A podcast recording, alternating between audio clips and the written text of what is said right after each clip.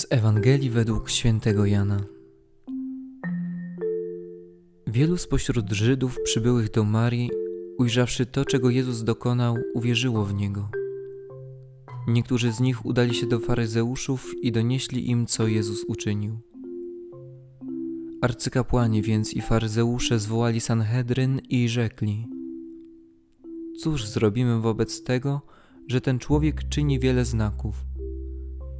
Jeżeli go tak pozostawimy, to wszyscy uwierzą w niego, a przyjdą Rzymianie i zniszczą nasze miejsce święte i nasz naród.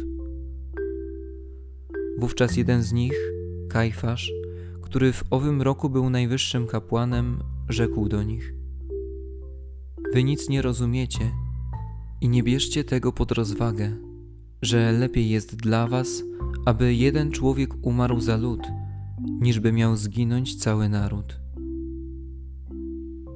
Tego jednak nie powiedział sam od siebie, ale jako najwyższy kapłan w owym roku wypowiedział proroctwo, że Jezus ma umrzeć za naród. I nie tylko za naród, ale także po to, by rozproszone dzieci Boże zgromadzić w jedno. Tego więc dnia postanowili go zabić.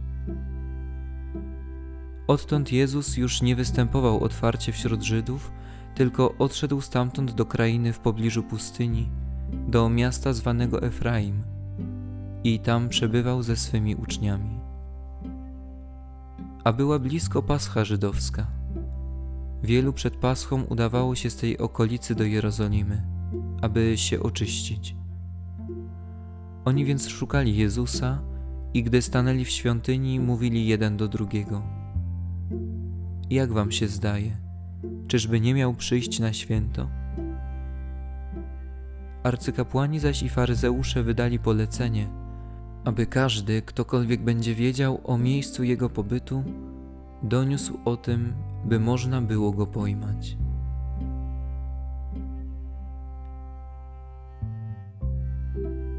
Dzisiejsza Ewangelia pokazuje nam, że nasze plany, kalkulacje i przewidywania, o ile nie są uzgodnione z wolą Bożą, lecz stanowią tylko nasze widzimisię, prędzej czy później doprowadzą do katastrofy.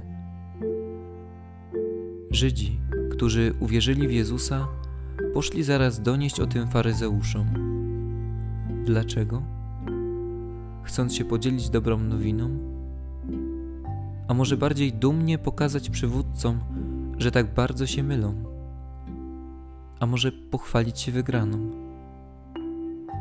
Po co szli do jaskini pełnej lwów z kruchością swojej wiary, skoro wiedzieli, że nie znajdą tam otwartego serca? Czy z taką gorliwością, z jaką biegli wtedy do faryzeuszów, pobiegli potem na sąd kapłański, by zaświadczyć, że Jezus jest niewinny? Niestety nie czytamy o tym na kartach Ewangelii. Sanhedryn bał się, że wszyscy uwierzą w Jezusa. Bał się, że ich uczynki zostaną ujawnione, a ich pozorna religijność obnażona. Pomyśleli politycznie.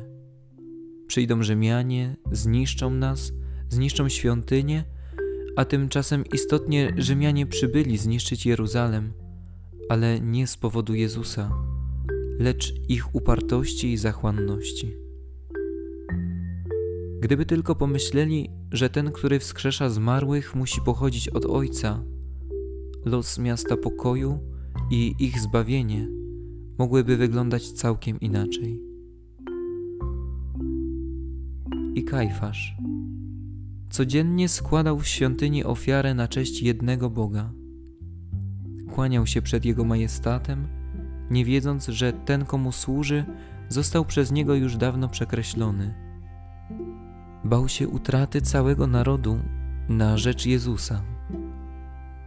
Zapewne miał w uszach okrzyki radości uczniów, że za Jezusem idzie cały świat. To nie mogło się mieścić w jego głowie. Nie mógł przyjąć do świadomości, że nieuczony cieśla z Galilei jest tym, który trzyma cały świat w swoich dłoniach. Doprowadził do tego, że te umiłowane ręce zostały przybite do krzyża. Żydzi, Sanhedryn, Kajfasz. Myśleli, przewidywali i kalkulowali. Wszyscy przegrali, bo nie myśleli po Bożemu, ale po ludzku. A ja? Jak myślę?